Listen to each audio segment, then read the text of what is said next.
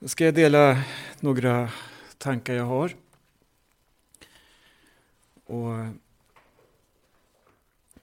vi är ju i påsken, så påskhögtiden. Och det är en sån här högtid som vi förknippar med gemenskap. Och det är en stor högtid inom kristenheten.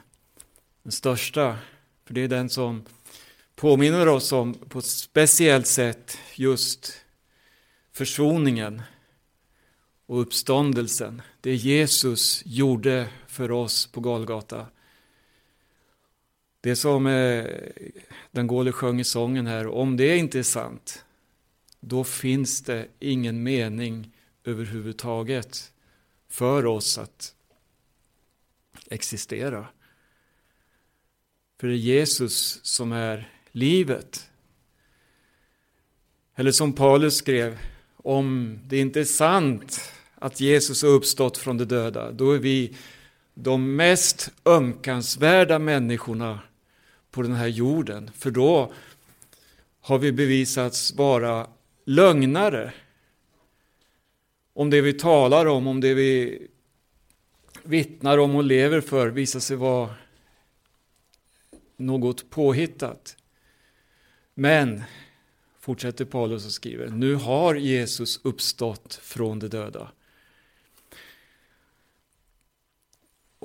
När, när vi tänker på påsken så Jesus och hans lärjungar, de var ju samlade eh, inför påsken och det var, det var, det var, en, det var en väldigt speciell tidpunkt när dels hade man den här gemenskapen. Man, man drogs till Jesus. Man hade gett sina liv för att följa Jesus. Man ville leva för honom. Man hade fått lärt känna vem han var, vad han kunde göra. Man hade sett hans gärningar, hur han sökte de fallna, han hjälpte de som var plågade, han helade sjuka och så vidare. Och de ville verkligen leva för Jesus och de såg en framtid tillsammans med honom.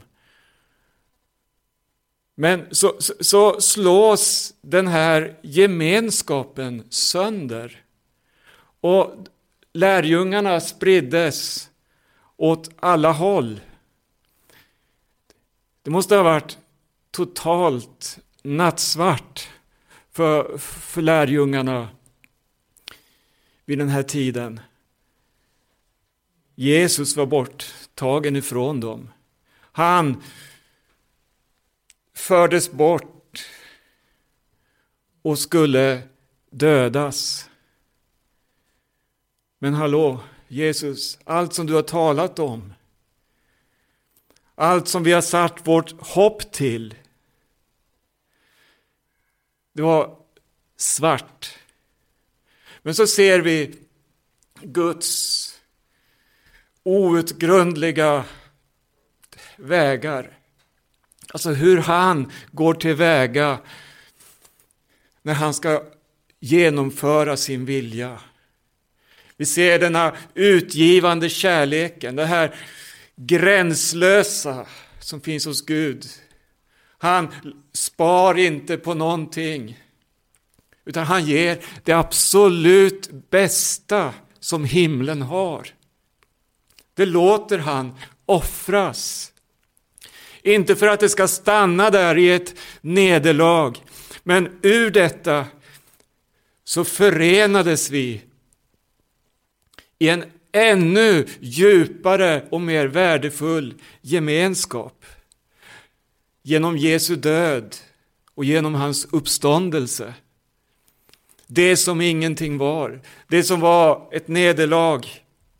Heden ska slås, fåren ska skingras, kan vi läsa om. Men ur det här, halleluja, så föds det fram ett nytt folk. En församling, en Jesu Kristi kropp. Halleluja. Det här är stort. Han dog för våra synders skull. Han uppstod från de döda.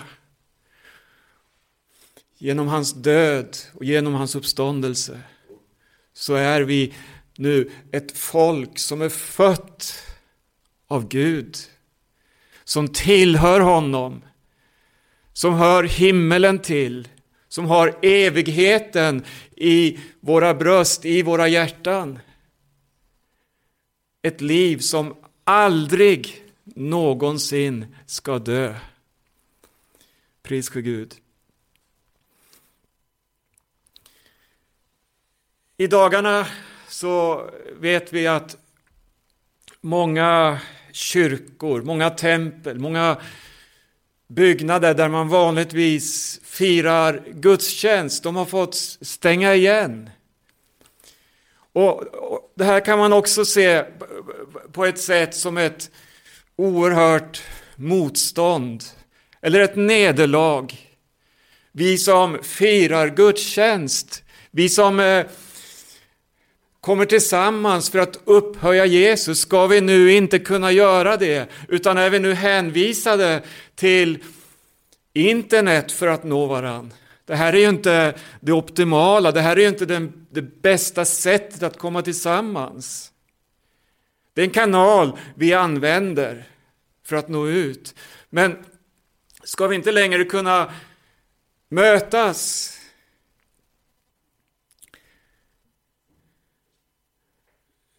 Tänk dig så här att i dagarna har alla dessa lokaler fått stänga. Alla verksamheter har fått lägga ner. Men vad har hänt istället? Varje hem,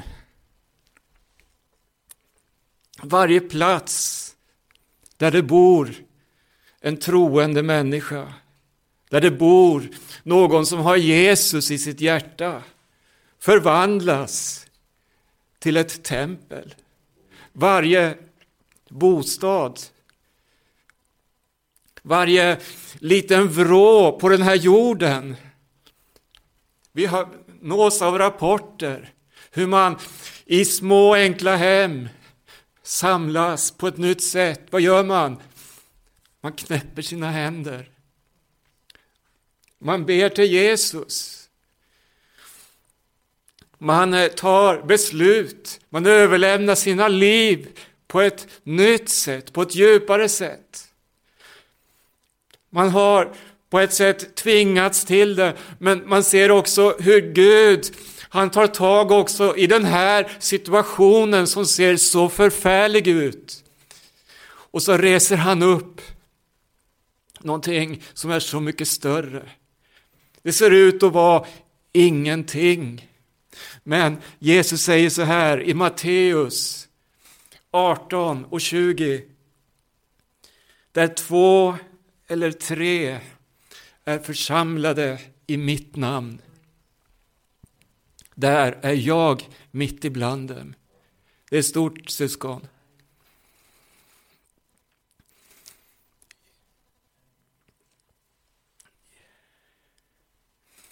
Det står i en sång så här, i graven Satan låg, men frälsaren uppstod.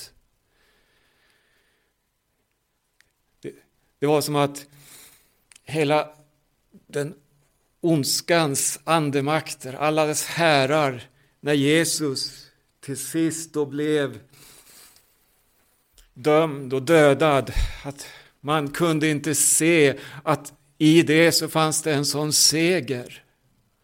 Och på samma sätt, vi har hemligheter syskon. Som vi eh, måste ta vara på. Vi behöver inte räkna med allt det här stora, allt det här vackra. Allt artisteri, alla vackra kyrkor och tempel. Nej, det är inte det som är det avgörande, utan det är det här som Gud har lagt ner i våra hjärtan. Två eller tre kommer tillsammans och beder. och Gud manifesterar sin makt. Gud låter sitt verk gå vidare. Människor får nås av evangelium. Halleluja.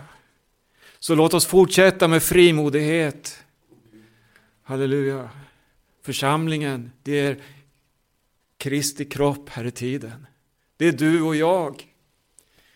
Halleluja, vi är detta tempel för den helige Ande, där han har tagit sin boning. Det är inte de här väggarna, det är inte någon speciell plats, utan det är där två eller tre är församlade i hans namn. Halleluja. Det stora är att han är mitt ibland den samlingen. Pris ske Gud.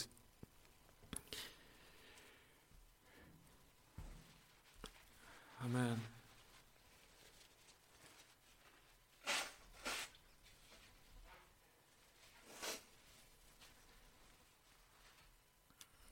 Det finns eh, många människor på vår jord som eh, inte har det så lätt i dessa dagar. Fattigdomen, den är ju oerhört stor. Det finns många ensamma människor. Det finns många hemlösa. Och det här är ett stort lidande. Speciellt i de här dagarna när budskapet går ut att alla ska vara hemma. Alla ska stänga in sig. Alla ska hamstra och se till att man har mat för att inte behöva gå ut mer än absolut nödvändigt. Och Det här är en problematik. Vi möter den ute på missionsfältet, kanske på ett mer konkret sätt än här i Sverige. Där man är piskad helt enkelt att ge sig ut för att hitta maten för dagen. När vi läser Bibeln så har Gud en väldigt speciell omsorg just om den människa som lider på det sättet. Han har omsorg om främlingen. Det finns ett uttryck som återkommer gång på gång. Det handlar om främlingen, den faderlösa och änkan. Ett budskap som eh, uppmanar till att inte stänga in sig, alltså inte stänga igen, utan man ska sträcka sig ut och hjälpa den som lider nöd. Det är ett budskap som, är, som kommer om och om igen genom Bibelns olika berättelser. Det står i, i eh, Första Mosebok 12 om Abraham. Han var ju ingen fattig människa. Men han eh, tog steg i sitt liv som fick konsekvenser för många människor. Han eh, gav offer på ett sätt som få har gjort. Det står i första versen så här att Herren sa till Abraham Gå ut från ditt land och din släkt och din fars hus och bege dig till det land som jag ska visa dig. Där ska jag göra dig till ett stort folk. Jag ska välsigna dig och göra ditt namn stort och du ska bli en välsignelse.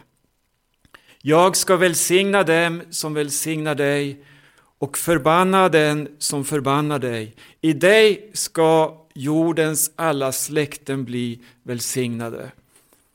Det här låter stort, och det är stort. Det handlar om sådant som, som vi ofta vill ha, välsignelse ett, och välsignelse igen. Det står om hur Gud ska berika Abrahams liv. Men sen när vi ser eh, summan då av hans liv så, så står det i Hebreerbrevet så här i det elfte kapitlet, vers 8. I tron lydde Abraham när han blev kallad att dra ut till ett land som han skulle få i arv. Och han gav sig iväg utan att veta vart han skulle komma.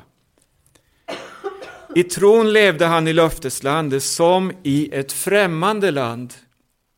Han bodde i tält med Isak och Jakob som var medarvingar till samma löfte. För han väntade på staden med de fasta grundvalarna vars byggmästare och skapare är Gud. Så står det i trettonde versen. I tron dog alla dessa utan att ha fått vad det som var utlovat. Men de hade sett det i fjärran, hälsat det och bekänt sig vara gäster och främlingar på jorden. Den som säger så visar att de söker ett hemland. Hade de tänkt på det land som de lämnat så hade de haft tillfälle att vända tillbaka dit. Men nu längtar de till ett bättre land, det himmelska. Därför skäms inte Gud för att kallas deras Gud, för han har berett en stad åt dem. Jag ville läsa just eh, de här verserna om Abraham. Abraham lyfts ofta fram som en förebild för någon slags materiell framgång. Att välsignelsen som Abraham fick, det ska ge oss jordisk rikedom och det ska göra att vi blir storherrar här på jorden, här i tiden. Men när man läser hans liv så ser man att det han värderade, det han levde för, det var något långt mycket större än allt det materiella som omger oss. Han hade blicken fäst på de eviga tingen. Abraham trodde Gud och det räknades honom till rättfärdighet. Abraham såg framåt mot staden, mot löftena. Men så står det här, han fick inte det som var utlovat. Men det står om något mycket bättre. Och på det här sättet tror jag vi kan få hjälp också när, när vi möter alla frestelser i tiden, när vi möter alla problem i tiden och tycker att nu har Gud övergivit oss. Varför ser det ut som det gör? Varför måste vi gå igenom sånt lidande?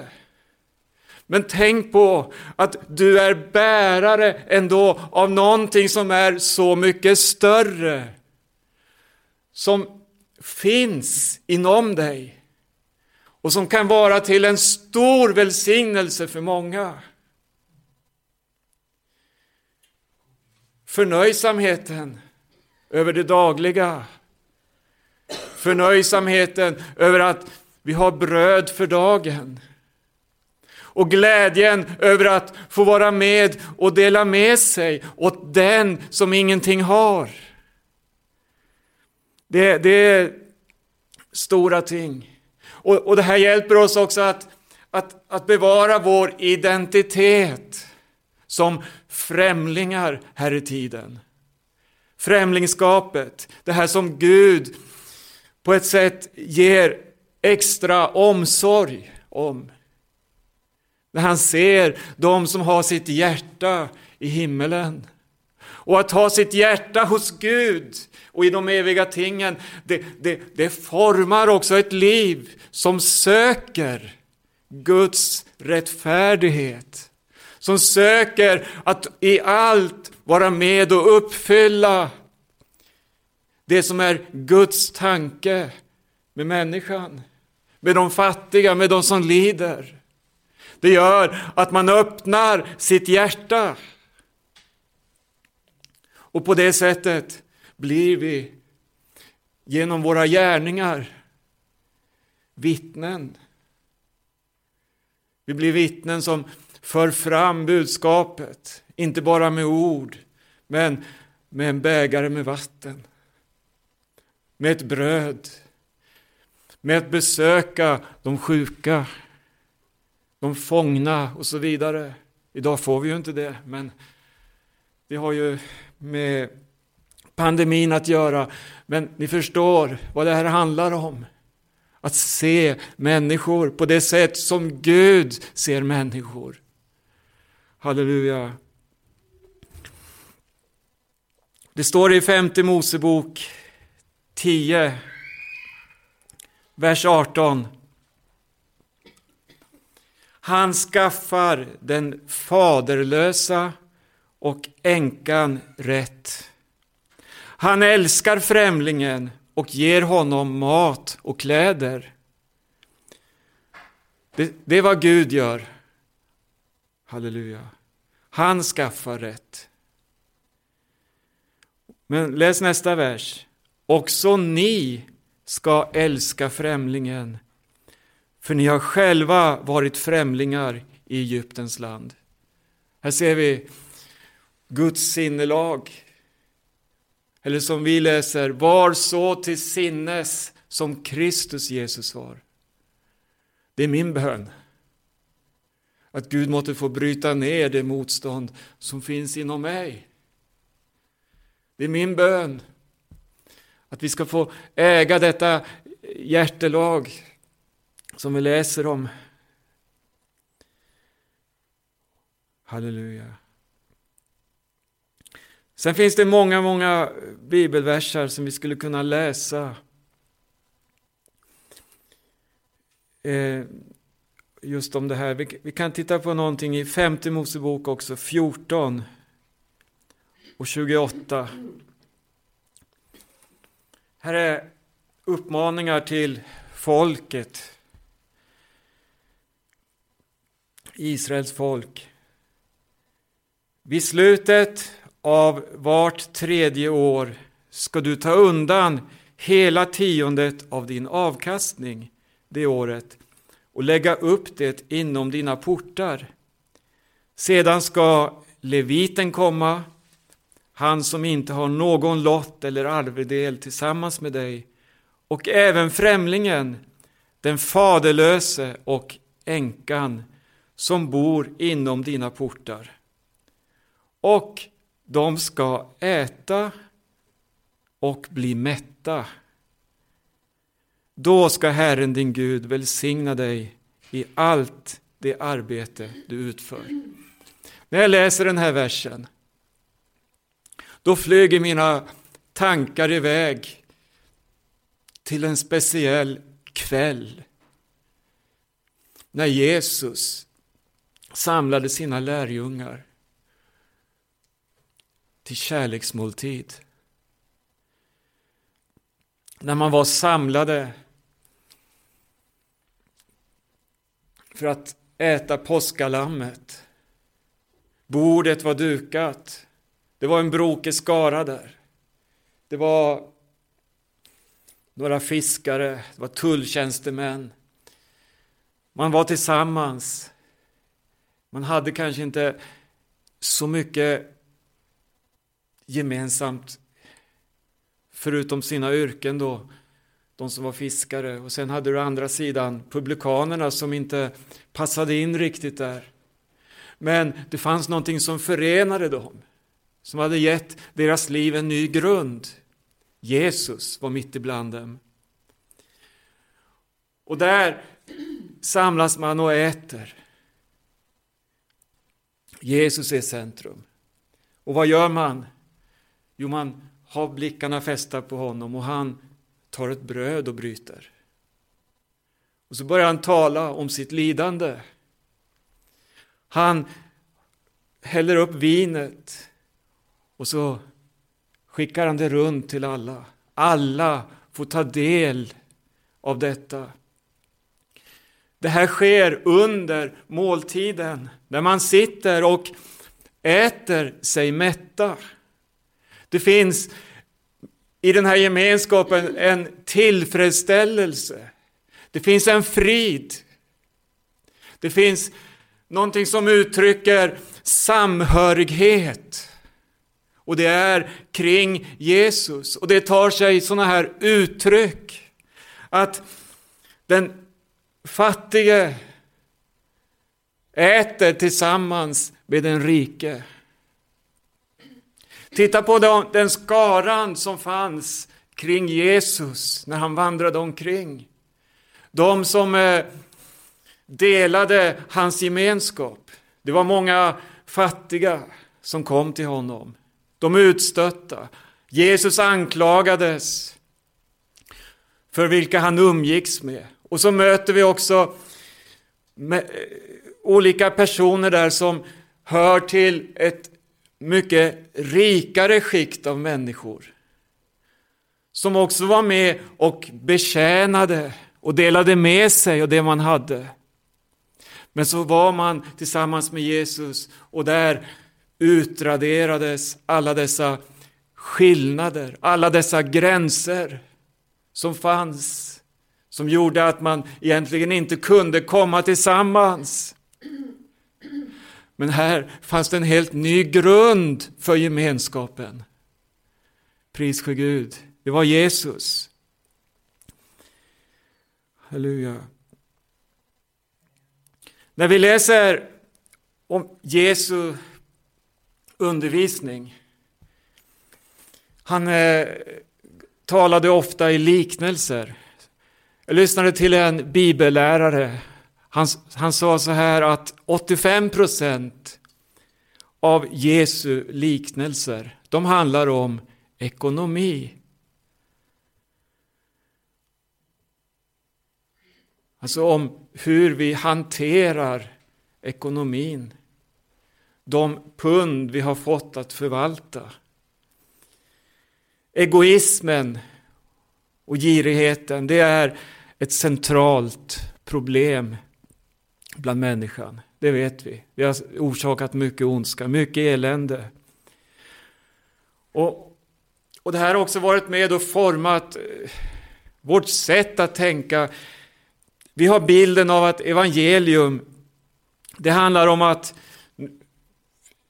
vi ska få människor att vända om, bli frälsta och sen kan man fortsätta leva sitt liv ungefär som vanligt.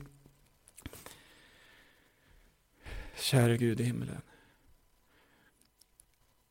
Men det finns, det finns ett djup i undervisningen som, som eh, Jesus lyfter fram. Jag tänker på det här när vi, vi talar om himmel eller helvete. Det är väldigt allvarliga ord som vi möter i Bibeln. Bibeln varnar oss för, för, för, för eh, just att, att gå miste om det eviga livet.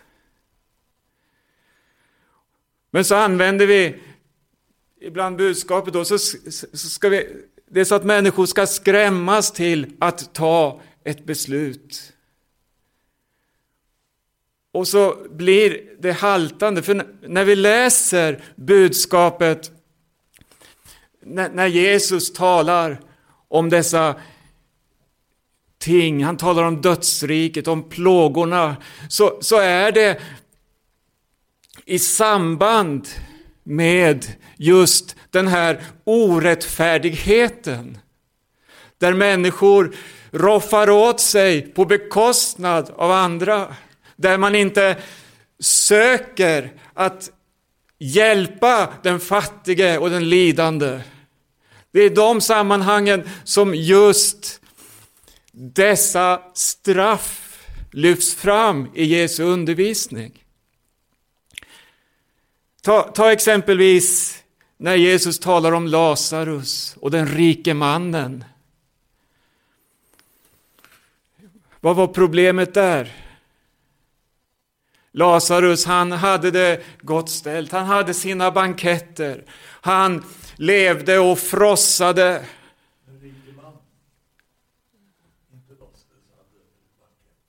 Nej, den rike man, förlåt, den rike mannen hade bankett. Lazarus, han låg och tiggde och plågades utanför den rike mannens port. Tack för det Hans.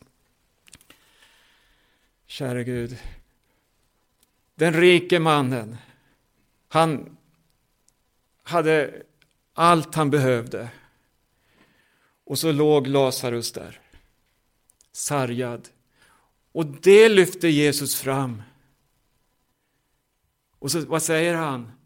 Jo, när de båda dör, Lazarus, han hamnar i Abrahams sköte. Den rike mannen, han plågas i dödsriket. Och så står det att han får höra det här, att du har fått ut ditt goda. Det står ingenting här om nåden, om försoningen. Utan här handlar det om det ansvar som Gud har lagt, som han har gett oss var och en i att förvalta de pund som vi har fått. Kära Gud. Det finns e- ett bibelsammanhang till som jag vill ta tid att läsa här. Det, är Jesu undervisning i Matteus 25, från vers 31.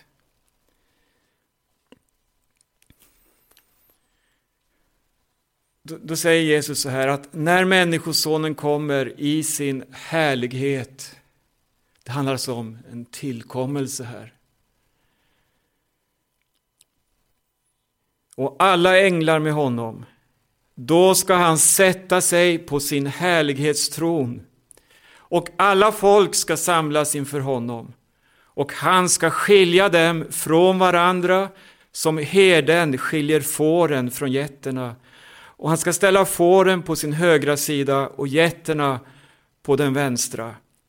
Då ska kungen säga till dem som står på hans högra sida Kom ni, min fars välsignade, och ta emot det rike som stått berett för er sedan världens skapelse. För jag var hungrig och ni gav mig att äta. Jag var törstig och ni gav mig att dricka. Jag var främling och ni tog emot mig. Jag var naken och ni klädde mig.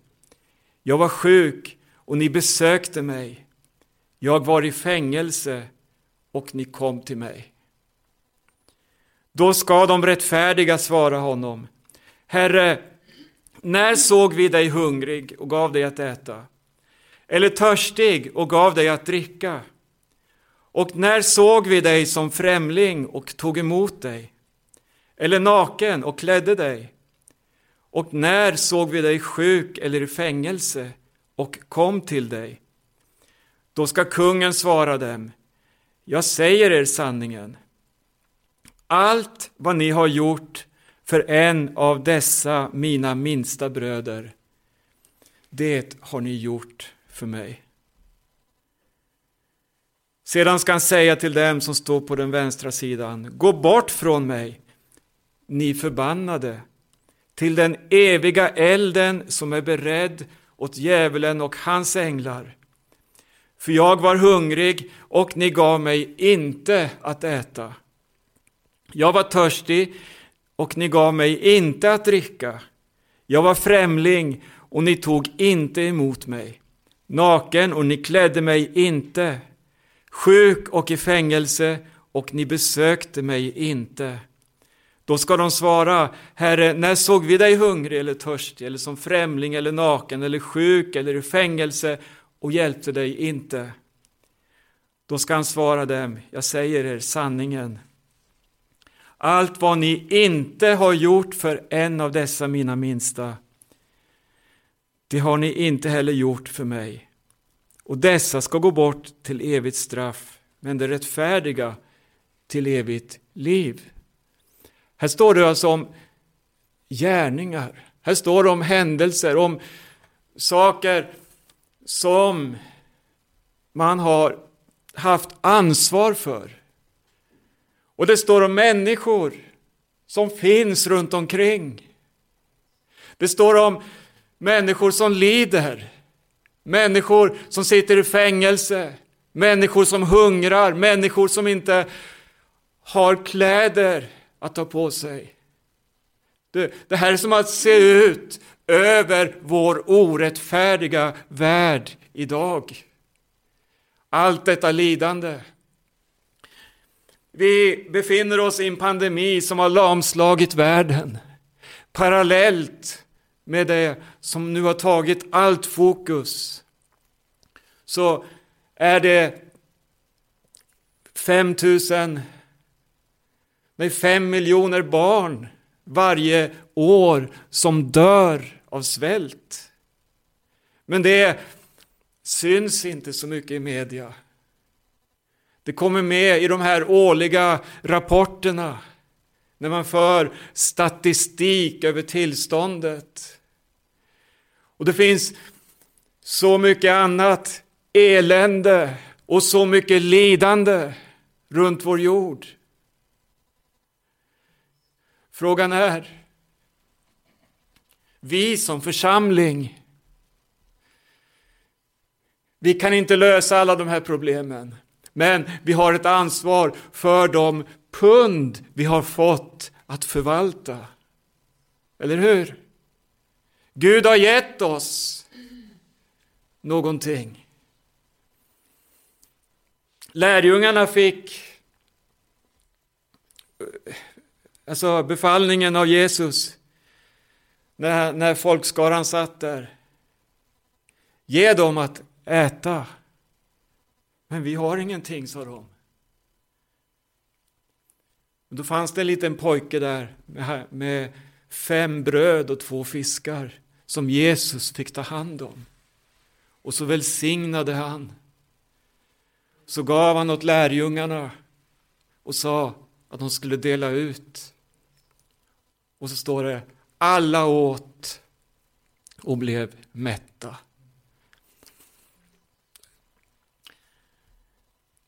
Det jag vill försöka få fram här, det, det, det är just församlingen och dess betydelse, dess funktion i en värld fylld av orättfärdighet.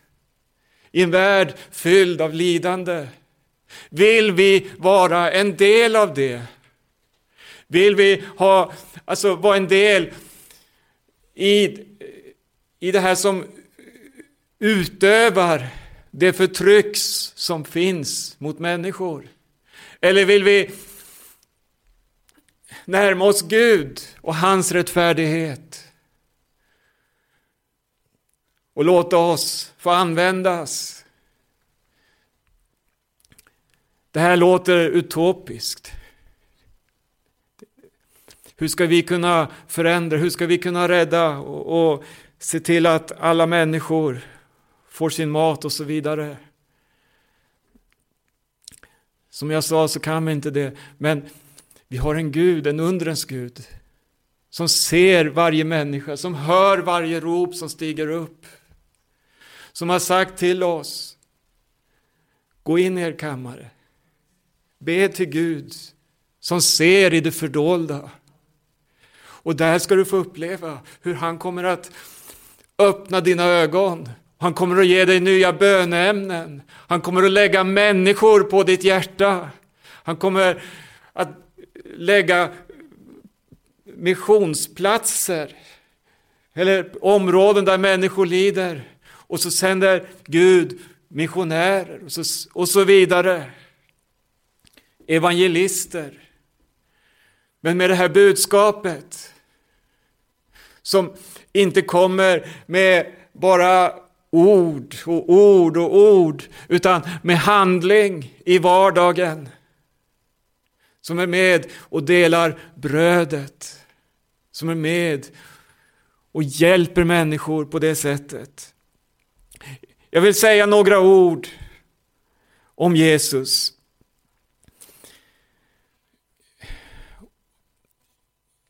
Om hur han blev mottagen här på jorden. Och så ur det så föddes det en plats, ett hem. Halleluja. Det föddes något himmelskt. Och utifrån detta himmelska är det som Gud har valt att manifestera sin rättfärdighet på jorden. Halleluja, det är församlingen. Genom sin kropp så har han valt att budskapet ska nå ut över jorden. Halleluja. Och nå människor med evangelium. När Jesus kom till den här världen, han blev ju inte mottagen. Det finns många bibelord som talar om det. Han föddes och Betlehem stängdes för honom. Han eh, fann ingen dörr dit Maria och Josef kunde komma in. Utan han fick födas bland djuren, bland de stinkande djuren. Käre Gud. Sen vid två års ålder så jagades han ut. De fick fly med Jesus till Egypten. Från en kung som skulle ha ihjäl honom. Han såg honom som ett hot. Vi kan också läsa om honom då han inledde sin tjänst, hur han blev förkastad av sitt eget folk. Det står i Johannes 1 och 11. Han kom till det som var hans eget och hans egna tog inte emot honom. De religiösa ledarna de ville inte veta av honom. Jag tänker på det hur Jesus han grät över Jerusalem. Det står i Lukas 13, 34 så här. Jerusalem, Jerusalem, du som dödar profeterna och stenar dem som är sända till dig. Hur ofta ville jag inte samla dina barn så som hönan samlar sina kycklingar under vingarna, men ni ville inte. Vi kan läsa något liknande i Lukas 9 och 51. När tidens för hans upptagande var inne, då vände han sitt ansikte mot Jerusalem, fast besluten att gå dit. Han sände budbärare framför sig, och de gick iväg och kom in i en samarisk by för att förbereda hans ankomst. Men folket tog inte emot honom eftersom han var på väg mot Jerusalem. Markus 6 och 3 kan vi läsa också. Till och med hans egen hemstad så mötte han detta motstånd. Vad sa man där? Är det inte snickaren, Marias son, bror till Jakob och Josef och Judas? och Simon, bor inte hans systrar här hos oss? Och de tog anstöt av honom. Men Jesus sa till dem, en profet föraktas inte utom i sin hemstad, sin släkt och sin egen familj.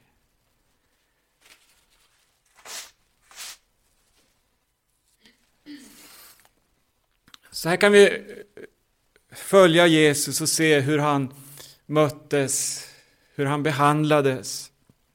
Och han sa vid ett tillfälle att rävarna har lyor och himlens fåglar har bon.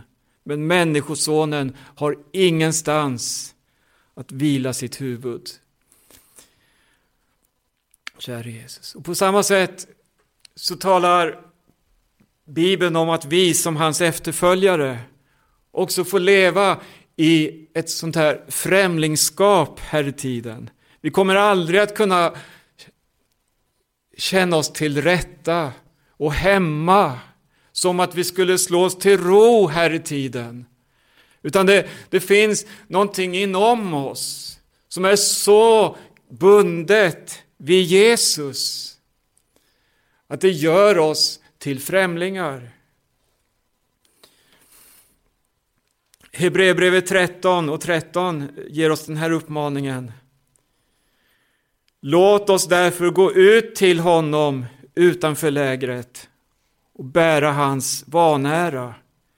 Här har vi ingen stad som består, men vi söker den stad som ska komma. Låt oss därför ständigt genom honom frambära lovets offer till Gud, en frukt från läppar som prisar hans namn. Och så står det, och glöm inte, hör, glöm inte att göra gott och dela med er. Nu kommer det här praktiska in igen. Det här, ett offer som behagar Gud. Sådana här uppmaningar möter vi om och om igen. Och de kommer, om du studerar när Bibeln talar om tidens slut, om den sena tiden, så, så, så kommer de här uppmaningarna. Gör gott, hjälp, sträck ut din hand.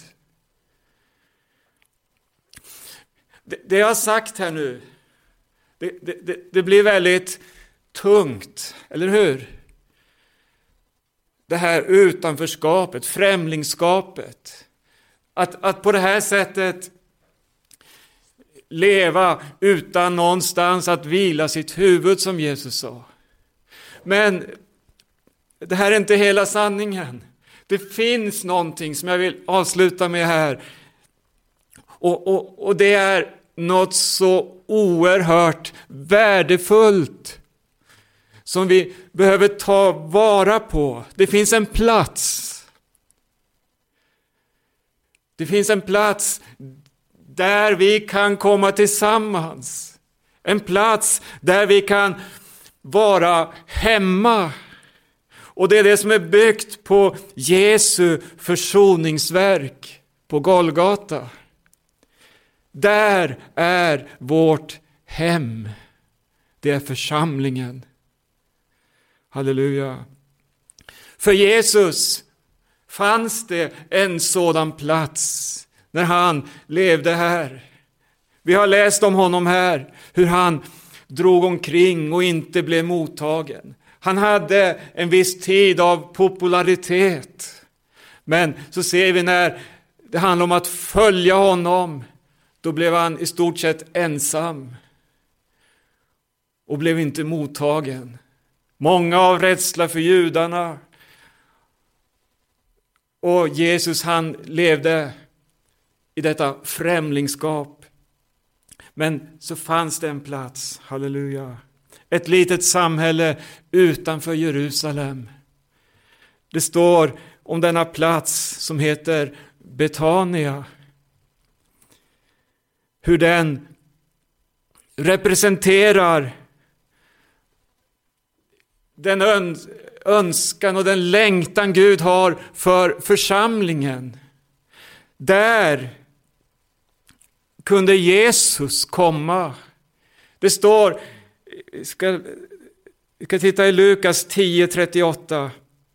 Det står så här, medan de var på väg kom Jesus in i en by och en kvinna som hette Marta, hör här, hon tog emot honom i sitt hem.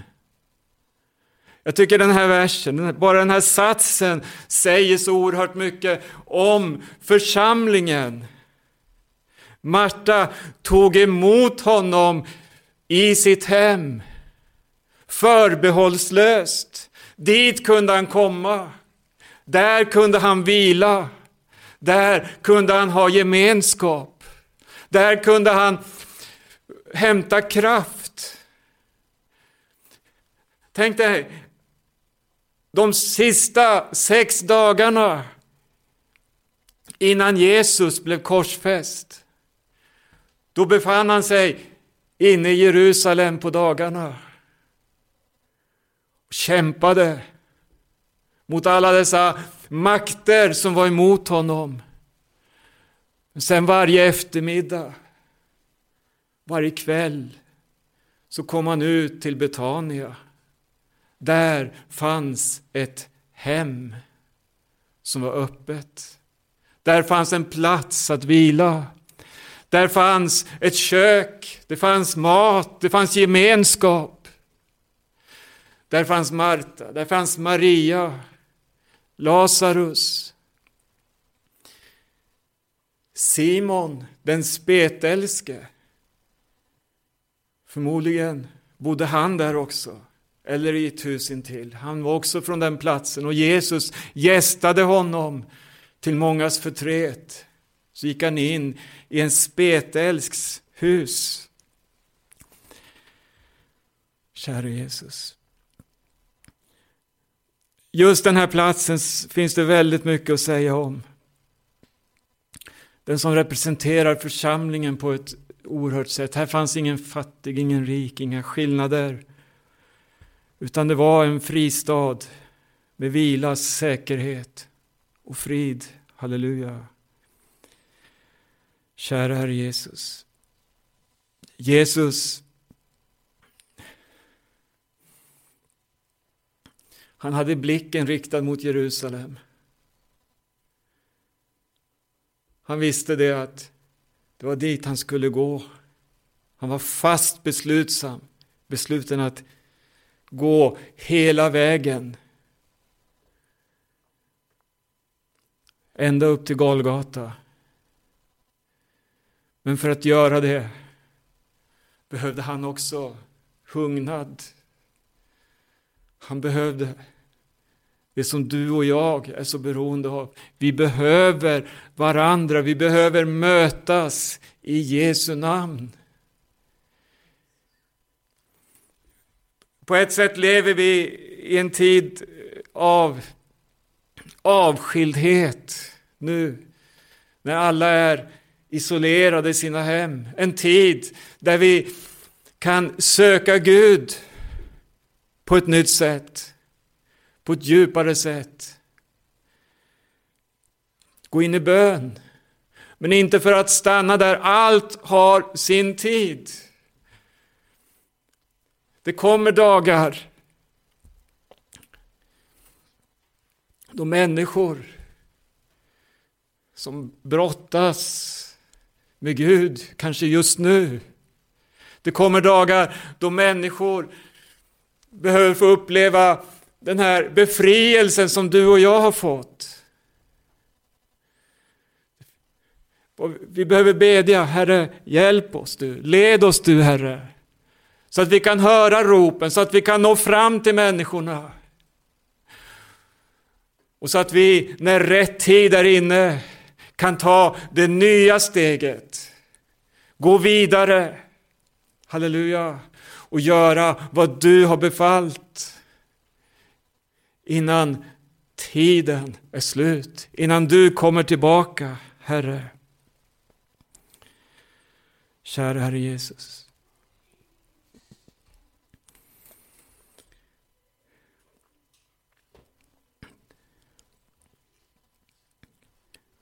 Ska vi avsluta med Uppenbarelseboken 19.